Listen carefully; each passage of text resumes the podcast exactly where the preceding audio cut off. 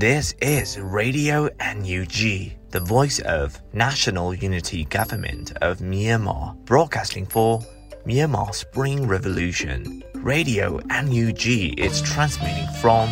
shortwave 16 meter 17.79 megahertz at 8:30 a.m. and 25 meter 11.94 megahertz at 8:30 p.m. Myanmar Standard Time. မင်္ဂလာပါခင်ဗျာ အမျိုးသားညီညွတ်ရေးအစိုးရရဲ့အတန်လွင့်ဌာန Radio NUG ကို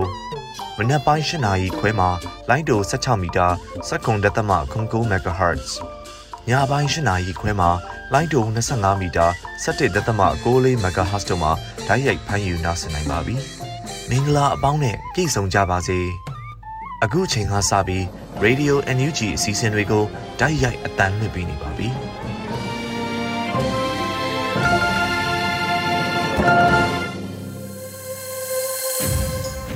မြန်မာနိုင်ငံသူနိုင်ငံသားအပေါင်းတဘာဝဘေးဆီယနာရှင်ဘေးတို့ကနေကေဝေပြီးကိုစိနှစ်ပါးအေဂျင့်လုံခြုံကြပါစေလို့ Radio NUG ဖွဲ့သူဖွဲ့သားတွေကနှုတ်ခွန်းဆက်သအပ်ပါတယ်ရှင်။ခုချိန်ကစပြီးတော့ကာကွယ်ဝင်ကြီးဌာနရဲ့စီရေးသတင်းအကျဉ်းချုပ်ကိုຫນွေဦးအလေးငါကဖတ်ကြားတင်ပြပေးသွားမှာဖြစ်ပါတယ်ရှင်။ကာကွယ်ဝင်ကြီးဌာနအမျိုးသားညီညွတ်ရေးဆိုရမှာ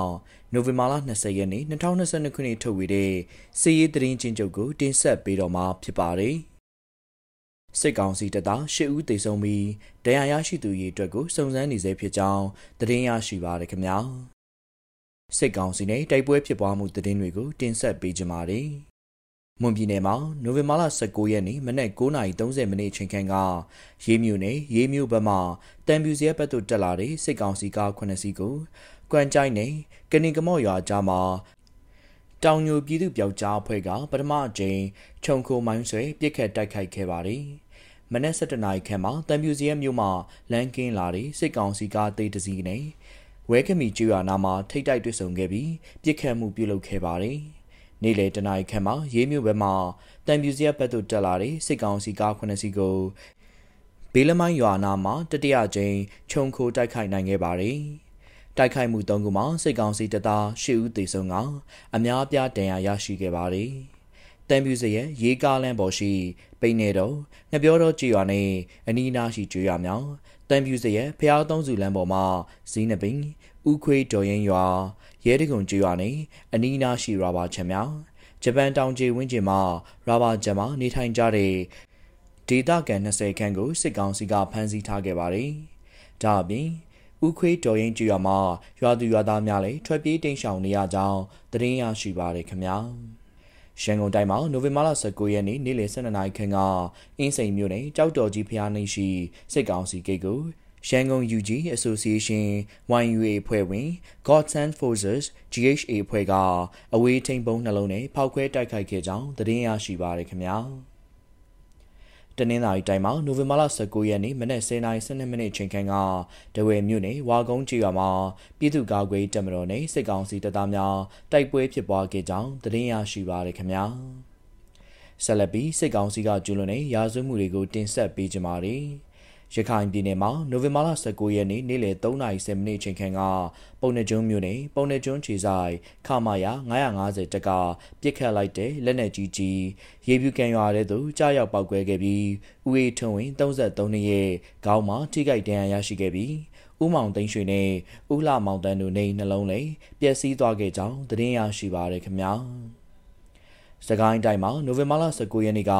ခင်ဦးမြို့နယ်စီးခုံလေးကျွာသို့စစ်ကောင်စီတပ်သားများဝင်ရောက်ခဲ့ပြီးပြည်သူနေနှလုံးနှဲတင်းကျွာရှိနေအိမ်သုံးလုံးတို့ကိုမိရှုဖျက်ဆီးခဲ့ကြောင်းသတင်းရရှိပါရခင်ဗျာနိုဝင်ဘာလ19ရက်နေ့ကခင်ဦးမြို့နယ်ပေါင်းလဲကုန်းကျွာသို့စစ်ကောင်စီတပ်သားများဝင်ရောက်ခဲ့ပြီးနေအိမ်များကိုမိရှုဖျက်ဆီးခဲ့ကြောင်းသတင်းရရှိပါရခင်ဗျာ မန္တလေးတိုင်းမှာနိုဝင်ဘာလ20ရက်နေ့မနက်9:45မိနစ်အချိန်ခန့်ကမတရားမြို့နယ်30ပေရွာကိုစစ်ကောင်စီများကမီးရှို့မှုများပြုလုပ်ခဲ့ကြောင်းသတင်းရရှိပါရခင်ဗျာ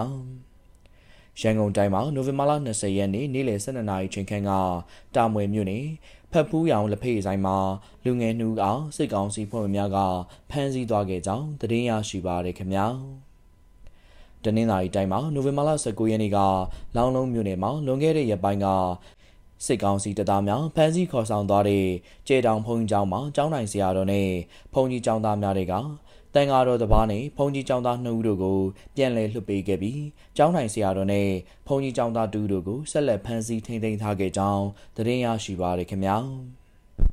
နိုဝင်ဘာလ19ရက်နေ့ကလောင်းလုံးမြို့နယ်လောင်းလုံးမြို့ရွှေခီရလှပြင်ဆိုင်မှာဒေါခင်လေးနေအားစစ်ကောင်စီတပ်သားများနဲ့ရဲများကလာရောက်ဖမ်းဆီးသွားခဲ့ကြောင်းသတင်းရရှိပါရခင်ဗျာ နိုဝင်ဘာလ19ရက်နေ့မနက်9:00နာရီခန့်ကတဝဲလေရင်ကွင်းမှာအသက်50ဝန်းကျင်ရှိအမျိုးသားတူအားစစ်ကောင်စီတပ်သားများကဖမ်းဆီးသွားခဲ့ကြောင်းသတင်းရရှိပါရခင်ဗျာယခုတင်ဆက်သွားတဲ့သတင်းတွေကိုမြေပြင်သတင်းတာဝန်ခံများနဲ့သတင်းဌာနတွေမှာဖော်ပြလာတဲ့အချက်လက်တွေပေါ်အခြေခံပြုစုထားခြင်းဖြစ်ပါတယ်ကျွန်တော်ကတော့ຫນွေဦးလင်ပါ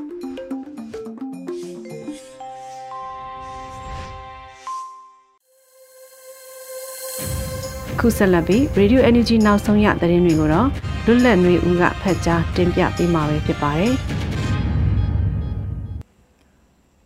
မင်္ဂလာပါခင်ဗျာ။နိုဝင်ဘာလ22ရက်မနက်ခင်းပြည်တွင်သတင်းများကိုစတင်ဖတ်ကြားပေးပါတော့မယ်။ကလေးသူငယ်များအနာဂတ်ကိုလေးစားမှုရှိပြီးအကောင်းဆုံးထုစစ်ပေးနိုင်ဖို့ပြည်သူတဦးတယောက်ချင်းစီကိုကမ္ဘာကလေးသူငယ်များနေ့မှာမြစ်တာရက်ခံတယ်လို့လူခွင့်ရေးဆိုင်ရာဝန်ကြီးကသတင်းထုတ်ပြန်ခဲ့တာကိုတင်ပြပေးပါမယ်။ နိုဝင်ဘာလ20ရက်နေ့ဟာအပြည်ပြည်ဆိုင်ရာကလေးသူငယ်များနေ့ဖြစ်ပြီးအနာဂတ်ဖက်ဒရယ်နိုင်ငံတော်အသစ်မှာကလေးသူငယ်များရဲ့အနာဂတ်ကိုလေးစားမှုရှိပြီးအကောင်းဆုံးထုစစ်ပေးနိုင်ဖို့ပြည်သူတဦးတယောက်ချင်းစီကိုထပ်လောင်းမြစ်တာရက်ခံပါတယ်လို့အမျိုးသားညီညွတ်ရေးအစိုးရလူခွင့်ရေးဆိုင်ရာဝန်ကြီးဌာနပြည်ထောင်စုဝန်ကြီးဦးအောင်မျိုးမင်းကထုတ်ပေါ်ပြောကြားခဲ့တာဖြစ်ပါတယ်။ဝန်ကြီးကပြောကြားရမှာမြန်မာနိုင်ငံကသဘောတူညီလက်မှတ်ရေးထိုးထားတဲ့လူခွင့်ရေးဆိုင်ရာသဘောတူစာချုပ်တွေထဲမှာ ကလေးခွင့်ရေးဆိုင်ရာသဘောတူစာချုပ်လည်းအပါအဝင်ဖြစ်ပါတယ်။ဒီသဘောတူစာချုပ်ပါအချက်များအရကလေးများရပိုင်ခွင့်ရှိတဲ့အခြေခံအချက်၄ချက်ဖြစ်တဲ့ရှင်သန်ခွင့်၊ဖြွံ့ဖြိုးခွင့်၊ကာကွယ်မှုရပိုင်ခွင့်၊ပါဝင်ခွင့်စတဲ့အခြေခံအခွင့်အရေးတွေကိုရရှိနိုင်စေဖို့ဆောင်ရွက်ပေးရမယ့်တာဝန်ဟာအစိုးရတရရဲ့တာဝန်ဖြစ်ပါတယ်။ဒါပေမဲ့လက်ရှိမြန်မာနိုင်ငံမှာတော့ပြည်သူအာဏာကိုလက်နက်အားကိုးရယူထားပြီးမိမိကိုယ်ကိုအစိုးရလို့သတ်မှတ်ထားတဲ့အကြမ်းဖက်စစ်ကောင်စီကြောင့် မြမကလေးသူငယ်များစွာဟာအသက်ရှင်တန်ခွင့်အပါဝင်ပညာသင်ကြားခွင့်ကာကွယ်မှုရပိုင်ခွင့်တွေပါပျောက်ဆုံးနေရပါတယ်။အပြစ်မဲ့ကလေးငယ်တွေပေါ်ပြစ်မှတ်ထားပြီးလက်နက်ကြီးလက်နက်ငယ်လေကြောင်းတိုက်ခိုက်မှုတွေဆောင်ရွက်ပြီးကလေးငယ်များရဲ့အနာဂတ်ကိုရည်ရွယ်ချက်ရှိရှိဖျက်ဆီးမှုပြုနေတဲ့ဆိုတာကိုလက်ရက်ကုန်းစာတင်ကြောင်းလေရင်ဘုံကျဲခံရတဲ့ဖြစ်စဉ်ဒီမော့ဆိုမူကြိုကြောင်းတိုက်ခိုက်ခံရမှုဖြစ်စဉ်တွေကတက်တည်ခံလျက်ရှိပါတယ်လို့ပြည်ထောင်စုဝန်ကြီးဦးအောင်မျိုးမင်းကဆိုပါတယ် ဒီလိုကလေးငယ်များရဲ့အခွင့်အရေးဆုံးရှုံးမှုကိုကာကွယ်ပေးနိုင်ဖို့လူတိုင်းလူတိုင်းမှာတာဝန်ရှိပြီးကလေးငယ်တွေရပိုင်ခွင့်ရှိတဲ့အခွင့်အရေးတွေပြန်လည်ရရှိနိုင်ဖို့စစ်အာဏာရှင်စနစ်ဆိုပပျောက်ဖို့အင်မတန်အရေးကြီးတယ်ဆိုတာကိုလည်းမမေ့ဖို့လိုအပ်ပါတယ်။အာဏာသိမ်းရန်ကြိုးပမ်းမှုဖြစ်စဉ်မတိုင်မီကာလတွေမှာမြန်မာနိုင်ငံအနေနဲ့အနာဂတ်မြန်မာကလေးငယ်များရဲ့အခွင့်အရေးကိုကာကွယ်မှုပြုနိုင်မဲ့ဥပဒေတရပြပြပြင်းပြင်းထွက်ပေါ်ခဲ့တဲ့အပြင်ကောင်းမွန်တဲ့အရွေ့များစွာပါဝင်ခဲ့ပြီးဤဥပဒေတရပေါ်ထွက်ရေးကိုလည်း အင်တိုက်အားတိုက်စူးစမ်းခဲ့ကြတာကိုတွေ့ရှိခဲ့ရပါတယ်။ဒါကြောင့်အာဏာရှင်စနစ်ကိုအမြင့်ဖြတ်ပြီးအနာဂတ်ဖက်ဒရယ်နိုင်ငံတော်တစ်မှာကလေးငယ်များအနာဂတ်ကိုလေးစားမှုရှိပြီးအကောင်းဆုံးထုစစ်ပေးနိုင်ဖို့ပြည်သူတဦးတယောက်ချင်းစီကိုကမ္ဘာကလေးငယ်များနေ့မှာထပ်လောင်းမြစ်တာရက်ခံပါကြောင်းတတိပေးပြောဆိုသွားတာဖြစ်ပါတယ်ခင်ဗျာ။ချင်းမြောက်တင်သူ CDN တွေကိုချင်းမြောက်ရမှာဖြစ်တယ်လို့အပြစ်ပေးတင်သူကိုလည်းအပြစ်ပေးရမှာဖြစ်တယ်လို့ပြည်ထောင်စုဝန်ကြီးဒေါက်တာဇော်ဝေဆိုးက ပြောကြားတဲ့သတင်းကိုတင်ဆက်ပေးပါဦးမယ်။စီဒီအန်ဝန်ထမ်းများရဲ့စိန်ခေါ်မှုပြဿနာတွေနဲ့ပတ်သက်ပြီးအမျိုးသားညီညွတ်ရေးအစိုးရရဲ့ပြင်ဆင်ထားမှုအခြေအနေကိုပြည်သူ့အသံ PPTV သတင်းဌာနရဲ့မေးမြန်းခန်းတစ်ခုမှာကျမ်းမာရေးနဲ့ပညာရေးဝန်ကြီးဌာနပြည်ထောင်စုဝန်ကြီးတူဖြစ်သူဒေါက်တာစောဝေဆိုးကအခုလိုဖြေကြားပြောဆိုခဲ့တာဖြစ်ပါတယ်။အခုလိုဖြေကြားရမှာ CDM ဆိုတာကငြိမ်းချမ်းစွာဆန္ဒဖော်ထုတ်ခြင်းတစ်မျိုးသာဖြစ်ကြောင်းဝန်ကြီးကအနက်ဖွင့်ပြောဆိုသွားပါတယ်။ဒါကမတရားတဲ့အမိတ်အာဏာကိုဖီဆန်ခြင်းဖြစ်တယ် ကဏ္ဍပေါင်းစုံမှအကြောင်းသားတွေကဆရာတွေကဝန်ထမ်းတွေအကုန်ပါဝင်တဲ့ CDM မှနေပြီးတဆင့်လက်နက်ကင်တော်လိုင်းရဲ့အသွင်ပြောင်းခဲ့တာဖြစ်ကြောင်းမတရားဖန်ဆီးတပ်ဖြတ်ခံရရာမှာအာနာဖီဆန်လက်နက်ကင်ခဲ့ကြတဲ့တော်လိုင်းကြီးကိုဘယ်သူမှထိန်းချုပ်လို့မရဘူးလို့ဝန်ကြီးကပြောပါတယ်ဆက်လက်ပြီးပြည်ထောင်စုဝန်ကြီးက CDM မူဝါဒချထားဖို့လိုနေတဲ့အကြောင်းကိုအခုလိုပြောဆိုသွားပါတယ်တရားဥပဒေမဲ့နိုင်ငံကိုတိဆောက်လို့မဖြစ်ဘူးကျွန်တော်တို့ယခုဒီအချိန်မှာရော အနာဂတ်မှာရောတရားနဲ့ဥပဒေနဲ့မူနဲ့ဝါဒနဲ့ဖြစ်ရဒါကြောင့် CDM မူဝါဒကိုကျွန်တော်တို့ NUCC မှာတင်ထားတယ်ဒါကိုကျွန်တော်တို့အခုဥပဒေနဲ့အညီကျွန်တော်တို့ CDM မူဝါဒပေါ်လာစေချင်တာဒါမှသာကျွန်တော်တို့တရားလက်လွတ်ဥပဒေမဲ့ CDN နဲ့ non CDN တွေပေါ်မှာကျင့်သုံးမှုမရှိမှာ။နောက်အနာဂတ်အတွက်ကျွန်တော်တို့ဒီ CDM တွေကိုချီးမြှောက်တဲ့လူကိုချီးမြှောက်ရမှာပဲ။ ချီးမြှောက်မှဖြစ်မှာ။ဒီလူတွေဒီလောက်နှစ်နှစ်ကန်စားထားပြီးပြီဒီလိုမျိုးစွန့်လွတ်ပြီးအသက်တွေရောဘဝတွေရောသူတို့ရဲ့ဒီတက်မွေးဝမ်းကြောင်းကိုစွန့်လွတ်ပြီးဒီ CDM လုပ်ခဲ့တဲ့လူတွေကိုကျွန်တော်တို့ချီးမြှောက်ရမှာ။ဒါအပြင်အပြစ်ပေးတဲ့လူကိုလည်းအပြစ်ပေးရမှာပဲ။ဒီလိုမျိုးအကြမ်းဖက်လက်နက်ကင်နေတဲ့စောစောကစိတ်ယူပေါက်နေတဲ့သူရဲ့လက်ထဲမှာလက်နက်ရှိနေတဲ့ဒီအကြမ်းဖက်စစ်တပ်နဲ့အတူတူလက်တွဲနေတဲ့ အကြမ်းဖက်စစ်တပ်ရဲ့လက်ကင်ထုတ်ဖြစ်နေတဲ့သူတွေကိုတော့ကျွန်တော်တို့အပြစ်ပေးရမှာပဲဒါပေမဲ့အဲ့ဒီလိုမျိုးမဟုတ်ဘဲနဲ့တဆင့်ပြီးတဆင့်ရှိမှာပေါ့မတက်တာလို့လက်တွဲနေရတဲ့သူတွေဆိုရင်ဘယ်လိုမျိုးကျွန်တော်တို့သူတို့အတွက်ဆောင်ရွက်မလဲအရေးယူမလဲဆိုတာလည်းရှိရမှာဒါကြောင့်အဲ့ဒီလိုမျိုးအဲကျွန်တော်တို့ principle တွေပေါ့မူတွေအဲ့ဒီလိုမျိုးဥပဒေတွေအဲ့ဒီလိုမျိုးပြဋ္ဌာန်းချက်တွေထားမှသာလျှင်ကျွန်တော်တို့ရဲ့ အနာဂတ်ပေါ့နော်တိုင်းပြည်ကိုတိဆောက်တဲ့အချိန်မှာဒီ CDN တွေ non CDN တွေသူ့နေရာနဲ့သူကျွန်တော်တို့ဒါကိုကျွန်တော်တို့အတုံးချလို့ရမယ်တိုင်းပြည်တိဆောက်လို့ရမယ်ဒါမျိုးဆိုရင်ဒီဟာတွေရံပြက်နေတာနဲ့တယောက်နဲ့တယောက်ဟိုကြမ်းဖက်နေတာနဲ့မဖြစ်ဘူးလေအဲ့တော့အဲ့ဒါတွေကိုမဖြစ်အောင်ချီးမြှောက်တဲ့သူကိုချီးမြှောက်အောင်အပြစ်ဒဏ်ပေးတဲ့သူကိုအပြစ်ဒဏ်ပေးအောင်ဒါမှမဟုတ်ပါဝင်လို့ရတဲ့ပုံစံတွေကို မူဝါဒချထားဖို့လိုတယ်လို့ကျွန်တော်ကပြောတာဒါဟာလဲနေရာအလိုက်ဒေသအလိုက်ဌာနအလိုက်တူမှာမဟုတ်ဘူး Federal Unit တွေလိုက်လဲတူမှာမဟုတ်ဘူးဒါကြောင့်ဒါကို NUCC ဒီအချိန်မှာဆုံးဖြတ်ထားဖို့လိုပြီဘာဖြစ်လို့လဲဆိုတော့ကျွန်တော်တို့အခုအချိန်မှာကျွန်တော်တို့တိုင်းပြည်ဟာကိုပေါ်ကိုမင်းကိုနိုင်ပြောသလိုအမြန်ခွက်တွေရွှေ့ပြီးသွားနေပြီကျွန်တော်တို့ check ဒီပွဲမှာအမြန်ခွက်တွေရွှေ့ပြီးသွားနေပြီဒီအမြန်ခွက်အဲမှာနှီးနေရင်ကျွန်တော်တို့ ဒီနောင်ဖြစ်လာမဲ့အတွက်မထိန်နိုင်မချုပ်နိုင်မဖြစ်ရအောင်အမြန်ခွက် NUCC အနေနဲ့ CDM မူဝါဒနဲ့ပတ်သက်ပြီးအမြန်ခွက်ကလေးရွှေ့လိုက်ဖို့လိုတယ်လို့ကျွန်တော်ပြောချင်ပါတယ်ကျေးဇူးပါ PVTV ပြည်သူ့အတန်သတင်းဌာနရဲ့တွေ့ဆုံမင်းမြန်ကန်စီစဉ်မှာပြည်ထောင်စုဝန်ကြီးဒေါက်တာဇော်ဝေဆိုးမှ CDM မူဝါဒနဲ့ပတ်သက်ပြီးအခုလိုပြောဆိုလိုက်တာဖြစ်ပြီးဒီအချက်ကို UNCC ခေါ်တဲ့အမျိုးသားညီညွတ်ရေးအတိုင်ပင်ခံကောင်စီအနေနဲ့အမြန်ဆုံးမူဝါဒအကောင့်ထဲပေါ်ဖို့ တတိပေးပြောဆိုသွားတာဖြစ်ပါတယ်ခင်ဗျာ။ဒီဝယ်မြို့နယ်မှာပြည်သူတော်လိုင်းတပ်ဖွဲ့များတိုက်ခိုက်မှုကြောင့်စစ်ကောင်စီတပ်များတေဆုံးတဲ့တည်င်းကိုဖတ်ကြားပေးပါမယ်။တနင်္သာရီတိုင်းဒေသကြီးဒဝယ်မြို့နယ်အရှိတောနယ်ဝကုန်းကြီးရွာနဲ့တင်ကန်းတုံးကြီးရွာကြားဘဲမရတ်တောင်အနီးမှာဖြစ်ပွားခဲ့တဲ့နှစ်ဖက်တိုက်ပွဲတွင်စစ်ကောင်စီတပ်ဖွဲ့ဝင်3ဦးသေဆုံးခဲ့တယ်လို့ဒေသပြည်သူ့ကာကွယ်ရေးတပ်ဖွဲ့ကအသိပေးသတင်းထုတ်ပြန်ခဲ့ပါတယ်။နိုဝင်ဘာလ19ရက်နေ့မနက်9:00နာရီလောက်မှာ ဒဝယ်ကနေကားလေးစီးနဲ့ဝင်လာတဲ့အကြမ်းဖက်တပ်အင်အား80လောက်ပါတဲ့စစ်ကောင်စီစစ်ကြောင်းကိုကော်တူးလေအာမီနဲ့ဒေသပြည်သူ့ကာကွယ်ရေးပူးပေါင်းတပ်ဖွဲ့တွေကကြားဖြတ်တိုက်ခိုက်ခဲ့တာဖြစ်ပါတယ်။အဲ့ဒီတိုက်ခိုက်မှုအတွင်းနှစ်ဖက်တိုက်ပွဲအချိန်တနင်္ဂနွေအကျော်ဖြစ်ပွားခဲ့ပြီးစစ်ကောင်စီဘက်က3ဦးသေဆုံးခဲ့တယ်လို့ဆိုပါတယ်။နှစ်ဖက်တိုက်ပွဲပြီးနောက်စစ်ကောင်စီတပ်ကချီလီယန်နဲ့စစ်ကြောင်းထပ်ထိုးဖို့ပြင်ဆင်လာတဲ့အတွက်အခြေအနေကိုစောင့်ကြည့်နေတယ်လို့ဒဝဲအရှိတော် PDF တာဝန်ရှိသူတူကပြောပါတယ်။နှစ်ဖက်တိုက်ပွဲကြောင့် ဝကုန်းကြီးရွာနဲ့သင်္ကန်းတုံးကြီးရွာကဒေသခံပြည်သူတချို့ထွက်ပြေးတိမ်းရှောင်တာတွေရှိလာနေပါတယ်။အကြမ်းဖက်စစ်တပ်အာဏာသိမ်းပြီးနောက်တနင်္သာရီတိုင်းဒေသရှိဒဝဲလူမျိုးများရဲ့ခုခံစစ်ဟာလည်းရဲရဲဝံ့ဝံ့ထွန်းတောက်လျက်ရှိနေပြီးဒဝဲမြို့နယ်အရှိတော်ဒေသမှာအခုလိုခုခံစစ်တိုက်ပွဲတွေဆက်လက်ဖြစ်ပွားနေတာဖြစ်ပါတယ်ခင်ဗျာ။အဲစီရင်တိုင်ကြီးငွေကျ2000တောင်းတဲ့မန္တလေးကရက်ကွက်ဒုအုပ်ချုပ်ရေးမှူးပြစ်တက်ခံလိုက်ရတဲ့တဲ့တင်ကိုတင်ပြပါမယ်။မန္တလေးတိုင်းမဟာအောင်မြေမြို့နယ်တွင် အဲစရင်တိုင်ခအဖြစ်ငွေလိုက်လံတောင်းယူနေတဲ့ရက်ကွက်ဒုအုပ်ချုပ်ရေးမှူးတူလမ်းပေါ်တွင်ပြစ်ဒဏ်ခံရကြောင်းဒေတာခံများထံမှသိရှိရပါတယ်။တနတ်ဖြစ်ပြစ်ဒဏ်ခံရသူဟာမဟာအောင်မြေမြို့နယ်တန်လျက်မော်အနောက်မင်းကုန်းရက်ကွက်ဒုတိယအုပ်ချုပ်ရေးမှူးဒလန်ဟုအများကတတ်မှတ်ခြင်းခံထားရသူဦးထွန်းမြင့်အေးဆိုသူဖြစ်ပြီးနွေမာလာ19ရက်နေ့နနက်7:00နာရီတွင်တနတ်ဖြစ်နှစ်ချက်ပြစ်ခတ်ခြင်းခံခဲ့ရကြောင်းမန္တလေးမြို့ပြပျောက်ကြားတပ်ဖွဲ့ Generation C Power GZP မန္တလေးကထုတ်ပြန်ပါတယ်။တခြားရက်ကွက်မှာ S ရင်တိုင်ရင်2000ကနေ9000ကအလွန်ဆုံးပဲတောင်းတယ်။အဲ့ဒီရက်ကွက်လူကြီးက2000ထိတောင်းတယ်။ S ရင်တစ်ခါတိုင်ရင်2000ပေးရတယ်။သူကအိမ်အထိတောင်လိုက်ယူတယ်လေ။ဒီလူအသက်ခံရတော့မယ်လို့ရက်ကွက်တဲပြောနေတာတော့မကြသေးဘူး။အခုတော့အသက်ခံလိုက်ရတာပါလို့အဆိုပါရက်ကွက်နေတည်င်းရင်းမြစ်တူကပြောပါတယ်။ ဦးထွန်းမြင့်အေးအားဆေးရုံသို့ပို့ဆောင်စဉ်လမ်းမှာတေဆုံးသွားပြီးစစ်ကောင်စီတပ်ဖွဲ့ဝင်များကတော့နေအိမ်များကိုဝင်ရောက်စစ်ဆေးမှုများပြုလုပ်ခဲ့တဲ့အပြင်အပြစ်မဲ့ပြည်သူ6ဦးခန့်အားရိုက်နှက်ဖမ်းဆီးမှုများလှုပ်ဆောင်ခဲ့ကြောင်း G7 မန္တလေးကထုတ်ပြန်ပါတယ်ရွေးကောက်ပွဲရလဒ်ကိုဖျက်သိမ်းပြီးအခြေခံဥပဒေကိုချိုးဖောက်ကစစ်တပ်ကအာဏာသိမ်းယူခဲ့တဲ့ဖြစ်စဉ်များအနောက်မှာလက်နက်ကင်ဆွဲပြည်သူခုခံတိုက်ပွဲများနေရာနှံ့ပေါ်ပေါက်လျက်ရှိတဲ့အပြင် မြို့ရွာများပေါ်မှာအပြန်လှန်တိုက်ခိုက်မှုများလည်းနေ့စဉ်လိုလိုဖြစ်ပေါ်နေကြောင်းပါခင်ဗျာဥကျင်မီနဲ့ဥဖြိုးစေရတော်ကိုစစ်ကောင်စီကကြိုးပေးကွက်မြက်မှုအပေါ်နင်းနစ်နာနာကြီးစိတ်ခံစားရတယ်လို့ကိုမြအေးကပြောလိုက်တဲ့သတင်းကိုတင်ပြပေးပါမယ်အမျိုးသားနေ့ကိုအကြောင်းပြုပြီးအကြမ်းဖက်အာဏာသိမ်းစစ်ကောင်စီကမတရားဖမ်းဆီးထားတဲ့ယုံကြည်ချက်အကျဉ်းသားအချို့ကိုနိုဝင်ဘာလ18ရက်နေ့က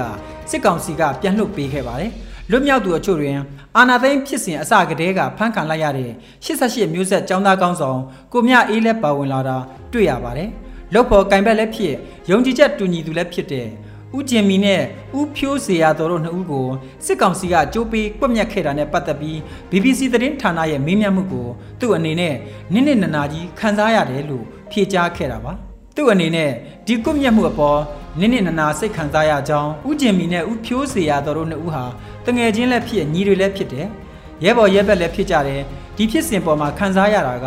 ဒါဟာနှစ်ပေါင်း35နှစ်36နှစ်လောက်ကျိုးပေးစနစ်မကျင့်သုံးခဲ့ပဲကျိုးပြန်ပေးခဲ့တာဖြစ်တယ်ဒီလောက်ရကြောင့်ပြည်တွင်းမှာရောနိုင်ငံတကာမှာရောအကျိုးသက်ရောက်မှုတွေကိုထင်ထင်ရှားရှားမြင်ရမှာဖြစ်ပါကြောင်းစကလုံးဖော်ပြမတတ်အောင်စိတ်ခံစားမှုဖြစ်ရပါတယ်လို့ကိုမြအေးက BBC သတင်းဌာနရဲ့အမေးကို ဖြေကြားခဲ့ပါတယ်။နောက်ထပ်လဲကြိုးပေးကွမြောက်မှုတွေမဖြစ်စေချင်ကြောင်းကိုလည်းကိုမြအေးကထပ်လောင်းပြောဆိုပါတယ်။နိုင်ငံရေးဖြစ်စဉ်နဲ့ပတ်သက်ပြီးဘလို့ခြုံငုံမိလဲလို့ BBC ကမေးရမှာတော့အချိန်တိုအတွင်းမှာသူ့အနေနဲ့အကုန်လုံးသိမြင်ရဖို့မလွယ်ဘူး။အခုမြင်တာကတော့ရှစ်ဆက်သွားကြမယ့်အခြေအနေဟာအတော်ကြီးကိုခက်ခက်ခက်ခဲသွားကြရတော့မယ်။လက်ရှိမြေပြင်အခြေအနေကိုကြည့်မယ်ဆိုရင်မကြခင်ရွေးကောက်ပွဲကြီးလက်အောင်မှာဖြစ်တယ်။ ဒီရွေးကောက်ပွဲဟာဒီလိုအခြေအနေမျိုးတွေနဲ့ဆိုရင်တနိုင်ငံလုံးမှာအကြားလာမရှိလုံနိုင်မလားဆိုတဲ့အခြေအနေကအားလုံးမြင်နေတာပဲဗျဘယ်လွယ်မလဲနောက်တစ်ချက်ကတော့ PR စနစ်ဆိုတာလဲအခြေခံဥပဒေနဲ့ကိုက်ညီမှုရှိမရှိပြန်စင်းစားဖို့လိုမှာဖြစ်ကြောင်းပြောပါတယ်အခုအာဏာသိမ်းမှုက88နဲ့မတူသလို62 62ခုနှစ်အာဏာသိမ်းစဉ်တွေကလည်းလွန်လွန်လလျားမတူဘူးအခုလက်ရှိအခြေအနေကြီးကကောင်းလားဆိုလားဆိုတာပြည်သူတို့ရဲ့နိုင်ငံရေးစီးပွားရေးလူမှုရေးဘဝတွေဘလောက်လွတ်လပ်ပြီလဲ ဘယ်လိုအခြေအနေတွေရှိနေလဲအကုန်ပြန်ကြည့်ရင်မြင်ရတာပဲဗျာလို့မိမောင်းထိုးပြသွားပါတယ်ကျွန်တော်တို့နိုင်ငံရေးကိုကျွန်တော်တို့ဟာကျွန်တော်တို့ဖြည့်ရှင်းဖို့ထက်နိုင်ငံတကာနဲ့ပူးပေါင်းလက်တွဲဖြည့်ရှင်းတာပိုသင့်တော်တယ်လို့သူကဖြည့်ကြားသွားတာတင်ပြလိုက်ရပါတယ်ပြန်လည်လွတ်မြောက်လာသူဦးမြအေးဟာ2021ခုနှစ်ဖေဖော်ဝါရီလ1ရက်နေ့မနေ့စောပိုင်းမှာဖမ်းဆီးခံခဲ့ရတာဖြစ်ပြီးနှစ်နှစ်နီးပါးအကြာ2022ခုနှစ်နိုဝင်ဘာလ18ရက်နေ့မှာတော့အင်းစိန်ထောင်ကနေပြန်လည်လွတ်မြောက်လာခဲ့သူဖြစ်ပါတယ်။ သူ့ရဲ့ထောင်တွင်းအတွေ့အကြုံဆက်လက်ဆောင်ရွက်မဲ့လှုပ်ရှားမှုအကြောင်းနဲ့နိုင်ငံရေးအမြင်တွေကို BBC သတင်းတောက်မအေးသူဆန်ကဆက်သွယ်မေးမြန်းခဲ့တာဖြစ်ပါတယ်ခင်ဗျာအင်းစိန်ထောင်ဝန်ထမ်း30နီးပါးထွက်ပြေးသွားတဲ့သတင်းကိုဖတ်ကြားပေးပါဦးမယ်အကြမ်းဖက်စစ်ကောင်စီလက်အောက်ကရန်ကုန်တိုင်းအင်းစိန်မြို့နယ်မှာရှိတဲ့အင်းစိန်အကျဉ်းတောင်မှာတာဝန်မထမ်းဆောင်လိုတာကြောင့်ထောင်ဝန်ထမ်း30နီးပါးအားနိုဝင်ဘာလတတိယပတ်ထဲမှာထွက်ပြေးသွားကြတယ်လို့အကျဉ်းထောင်ဝန်ထမ်းတို့ရဲ့ပြောပြချက်အရသိရှိရပါတယ်ထွက်ပြေးခဲ့သူတွေဟာ ထွက်စာတင်ထားတဲ့သူတွေရှိတယ်လို့တချို့ကတော့ကြောင်းတက်မယ်ဆိုပြီးအပြင်ထွက်သွားချိန်မှာပြန်မလာကြတော့တာဖြစ်ပါတယ်။ရှစ်နေဝင်ထွက်အပေါက်ဘက်မှာ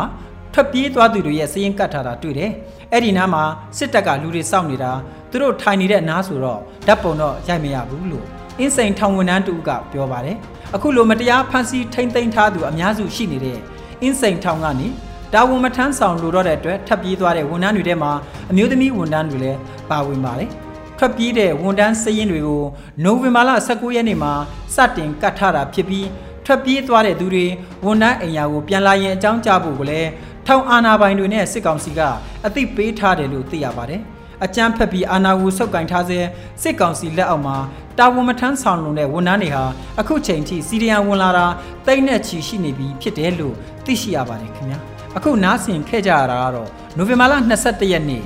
ရေဒီယိုအန်ယူဂျီရဲ့မနက်ခင်းပြည်တွင်သတင်းများပဲဖြစ်ပါတယ်ကျွန်တော်ကတော့လွတ်လပ်နေဦးပါခင်ဗျာ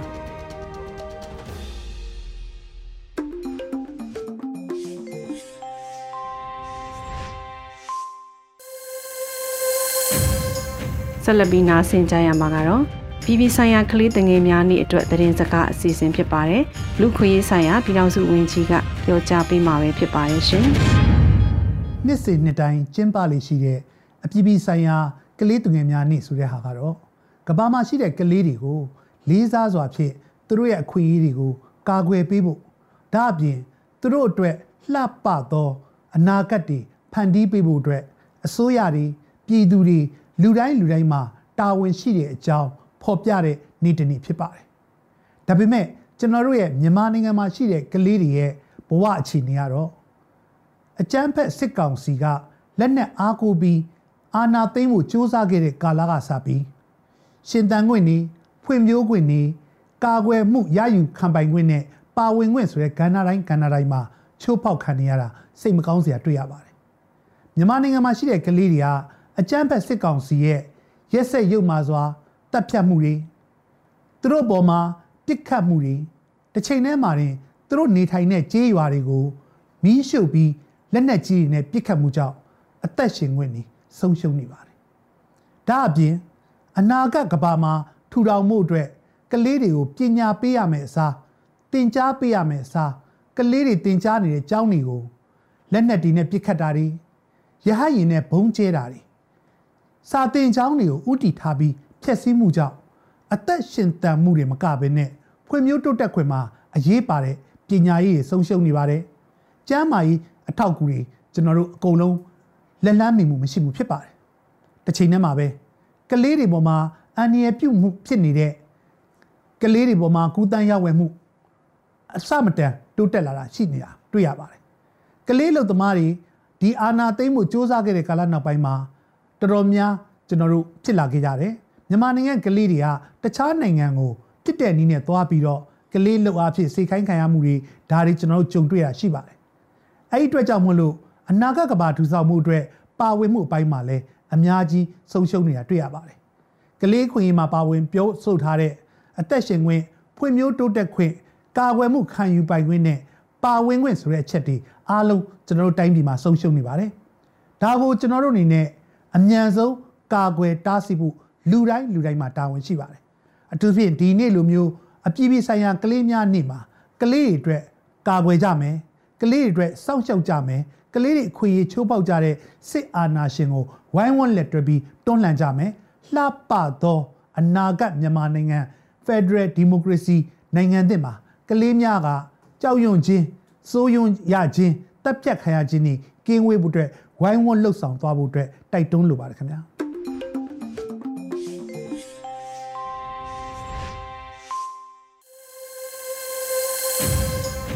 ခုဆက်လက်ပြီးပြည်သူခုခံစစ်တရင်များကိုကျော်နွေဦးကဖတ်ကြားပေးမှာပဲဖြစ်ပါရဲ့ရှင်ပထမဆုံးတင်ဆက်မှာကတော့ဖပွန်မြို့ရှိစစ်တပ်စခန်းများကို KNL ကတိုက်ခိုက်သိမ်းပိုက်တဲ့တဲ့မှာကရင်ပြည်နယ်ဖပွန်မြို့ရှိအကြမ်းဖက်စစ်တပ်တပ်ဆွဲထားတဲ့စခန်းများကို KNL တပ်ဖွဲ့များကဝင်ရောက်တိုက်ခိုက်ရာစစ်ကောင်စီတပ်သား6ဦးသေဆုံးခဲ့ကြောင်း KNU မူတော်သတင်းစဉ်ကဆိုပါတယ်။နိုဝင်ဘာလ18ရက်နေ့ကဖပွန်မြို့နယ်ရှိအကြမ်းဖက်စစ်ကောင်စီရဲ့လေဒိုတပ်စခန်း နိုဝင်ဘာလ18ရက်နေ့ကတပ်ဖိုးကလိုစခန်းတို့ကိုဝင်ရောက်စီးနင်းခဲ့ပြီးစစ်သားနဲ့ BGF နေကြားဆောင်တပ်သား6ဦးသေဆုံးက9ဦးထိခိုက်ဒဏ်ရာရရှိခဲ့ကြောင်းသိရတာပါ။ KNL ကင်းအမျိုးသားလွတ်မြောက်ရေးတပ်မတော်ဟာနယ်မြေကျူးကျော်လာတဲ့အကြမ်းဖက်စစ်ကောင်စီ BGF နေကြားဆောင်တပ်များကိုနေ့စဉ်နဲ့အမျှခုခံတိုက်ခိုက်လျက်ရှိကြောင်း1996ခုနှစ်နောက်ပိုင်းကာလလက်လွတ်ဆုံးရှုံးခဲ့ရတဲ့တပ်စခန်းများကိုပြန်လည်သိမ်းပိုက်ရယူလျက်ရှိကြောင်း KNU မူတော်သတင်းစဉ်ကထုတ်ပြန်ထားပါတယ်။ ဆက်လက်ပြီးချင်းပြည်နယ်မှာ9ရက်တာတိုက်ပွဲဖြစ်တဲ့တဲ့တင်တင်ဆက်ပါမယ်။ချင်းပြည်နယ်ရှိအကြမ်းဖက်စစ်တပ်ရဲ့တီးပွာစစ်ကောင်စီတပ်စခန်းကိုဒရုန်းဖြင့်အကြိမ်300ကျော်ဘုံကျဲတိုက်ခိုက်မှုစစ်သား30ဦးခန့်တေဆုံးကြောင်း CNO CNF ကသတင်းထုတ်ပြန်ပါတယ်။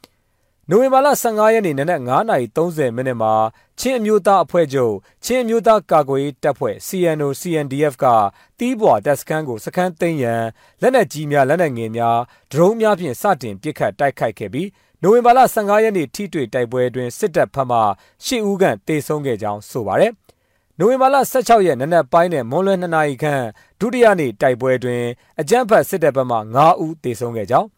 နိုဝင်ဘာလ18ရက်နေ့မှာလည်းပူးပေါင်းတပ်တွေကဒရုန်းဖြင့်ဘုံအမြောက်အများကူညီကျဲချခဲ့ကြောင်းတတိယနေ့တိုက်ပွဲမှာစစ်တပ်ဘက်မှ6ဦးသေဆုံးပြီးဒဏ်ရာရသူအများအပြားရှိခဲ့ကြောင်း နိုဝင်ဘာလ18ရက်နေ့နိုဝင်ဘာလ19ရက်နေ့တို့မှာလည်းပြစ်ခတ်မှုဖြစ်ပွားခဲ့ပြီးအကြမ်းဖက်စစ်တပ်ဘက်မှ6ဦးသေဆုံးခဲ့က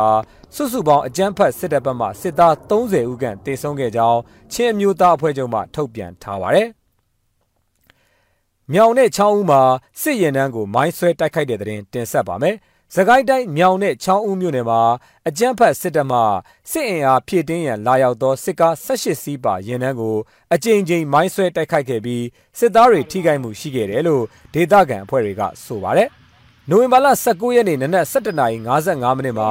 မြောင်လန်းကွင်းနဲ့အလကပ်ပါအကြားမှာ၎င်းမွန်းလွဲ12:05မိနစ်မှာချောင်းဦးမြို့နယ်နက်ရီကန်နဲ့ငရှမ်းအကြားမှာ၎င်းမွန်းလွဲ12:15မိနစ်မှာ ငရှန်ရွာအနီးတွင်၎င်းအကြိမ်ကြိမ်မိုင်းဆွဲတိုက်ခိုက်ခဲ့ပြီးစစ်သား10ဦးခန့်တေဆုံးခဲ့ကြောင်းသိရပါတယ်။အလားတူနိုဝင်ဘာလ19ရက်နေ့နနက်9နာရီခန့်မှာမုံရွာမြို့မှာတံပြားကာကားနစီဟာပရိကုန်းမြောက်ရွာမှာတနက်များရန်တမ်းပစ်ခတ်ပြီး6ဦးဘက်သို့ထွက်ခွာလာပြီးမိုင်းရှင်းလင်းရေးလှုပ်ဆောင်နေစဉ်ဒေသခံကာကွယ်တပ်ဖွဲ့များကအကြိမ်ကြိမ်ဖောက်ခွဲတိုက်ခိုက်ခဲ့ပြီးစကစအထိကိရှိခဲ့တယ်လို့ဒေသခံအဖွဲ့တွေကဆိုပါတယ်။နောက်ဆုံးအနေနဲ့ တန်လင်းမြို့စစ်တပ်ဂိတ်ကိုဖောက်ခွဲတိုက်ခိုက်မှုစစ်သားတချို့ထိခိုက်ဒေဆုံးမှုရှိတဲ့တဲ့တင်တင်ဆက်မှာပါရန်ကုန်တိုင်းတန်လင်းမြို့နယ်တာသနာဗိမာန်မှာစခန်းချထားတဲ့စစ်တပ်နဲ့အင်းစိန်မြို့နယ်ကြောက်တော်ကြီးဖျားနီးမှာတက်ဆွဲထားတဲ့စစ်တပ်ဂိတ်များကိုမြို့ပြပျောက်ကြားတပ်ဖွဲ့များကတိုက်ခိုက်ကြောင်းအဆိုပါအဖွဲ့များထံမှသိရပါဗျ။နိုဝင်ဘာလ19ရက်နေ့ည9:10မိနစ်အချိန်တန်လင်းမြို့ကြိုက်ခောက်ဖျားလမ်းမရှိတာသနာဗိမာန်ထဲမှာတက်ဆွဲထားတဲ့စစ်သားများအနည်းတွင်ဘုံပေါက်ကွဲမှုတစ်ခုဖြစ်ပွားတာပါ။ ဘုံပေါက်ကွဲမှုကြောင့်စစ်သား2ဦးသေဆုံးတယ်ဆိုတဲ့သတင်းများထွက်ပေါ်လျက်ရှိတော်လဲအတိမပြုတ်နိုင်သေးပါဘူး။အလားတူနိုဝင်ဘာလ19ရက်နေ့မွန်းတက်12နာရီအချိန်ရန်ကုန်တိုင်းအင်းစိန်မြို့နယ်ကြောက်တော်ကြီးဖျားအနီးမှာစစ်ကောင်စီတပ်ဂိတ်ကိုအဝေးထိန်မိုင်းဖြင့်ဖောက်ခွဲတိုက်ခိုက်ခဲ့ကြောင်းမြို့ပြပျောက်ကြားရဲဘော်များဘေးကင်းကြောင်း God's Hands Forces GHF ကဆိုပါရခင်ဗျာ။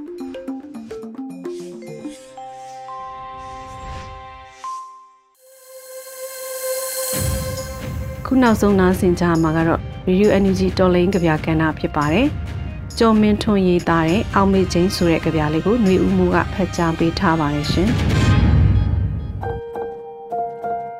အောင်မေချင်းပြေးပြေးလွှားလွှားမင်းထွက်သွားတော့မင်းထားခဲ့သူတွေနေတာပမလားဒီစစ်ကြီးနဲ့ဒီခစ်ကြီးမှာမင်းချစ်စနီးရောနေတာရဲ့လားမင်းခြံခဲ့တဲ့အမြောက်ဆန်တဲ့ မင်းအမေကတစ္ဆာပန်းတွေထိုးတစ္ဆာလေးပါမြက်ဖျားရှိယိုယိုကြွကြွထန်ရှိခိုးလို့မင်းကြံခဲ့တဲ့ကြည်စံတောက်နဲ့မင်းရဲ့သမီးကနှကန်းဆေးဆိုးဖို့နှကန်းနီတောက်လှုပ်နေလေရဲ့မင်းထားခဲ့တဲ့ကြည်ကာဝတ်ပြီးငါးနှစ်သားမင်းရဲ့သားကြီးကကြဲကြဲလောင်လောင်ငှက်ကြီးတွေရွာပေါ်ပြန်ဝဲလာတိုင်းဘုံခိုကျင်းတယ်ပြပြစင်းရ သူကလေရင်ပြန်ကုန်မမြင်ဘူးတော့လေငါတို့မှာနန်းစရာဆိုလို့တောလန်းနှစ်ဘေးကတောပန်းလေးတွေပဲရှိတာကြဲကြွေညများဇာပနတန်ကြားမှတေချင်းတရားကိုအောက်မိတယ်ဒီခက်ကြီးနဲ့ဒီစစ်ကြီးမှာ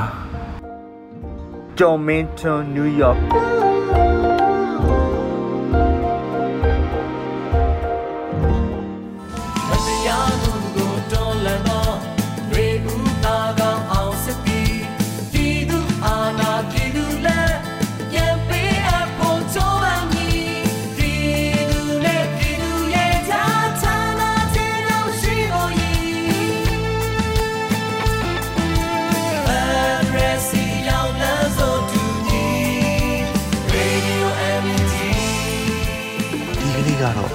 ညနေပဲ Radio NUG ရဲ့အစည်းအဝေးကိုခਿੱတရနာလိုက်ပါမယ်။မြန်မာစံတော်ချိန်မနက်၈နာရီခွဲနဲ့ည၈နာရီခွဲအချိန်တွေမှာပြန်လည်ဆုံးဖြတ်ကြပါစို့။ Radio NUG ကိုမနက်ပိုင်း၈နာရီခွဲမှာလိုင်းဒို16မီတာစက္ကန့်တသမ9 MHz ညပိုင်း၈နာရီခွဲမှာလိုင်းဒို25မီတာ17သမ6 MHz တို့မှာဓာတ်ရိုက်ဖမ်းယူနားဆင်နိုင်ပါပြီ။မြန်မာနိုင်ငံသူနိုင်ငံသားများကိုစိတ်နှပြကျန်းမာချမ်းသာလို့ဘေးကင်းလုံခြုံကြပါစေလို့ Radio NUG အဖွဲ့သူအဖွဲ့သားများကဆုတောင်းလိုက်ရပါတယ်။အမျိုးသားညီညွတ်ရေးအစိုးရရဲ့စက်သွေးရေးတရင်အချက်အလက်နဲ့ဤပညာဝန်ကြီးဌာနကထုတ်လွှင့်နေတဲ့ Radio NUG ဖြစ်ပါတယ်။ San Francisco Bay Area အခြေစိုက်မြန်မာမိသားစုများနဲ့နိုင်ငံတကာကစေတနာရှင်များလှုပ်အားပေးများရဲ့ Radio NUG ဖြစ်ပါတယ်။အရေးတော်ပုံအောင်ရမည်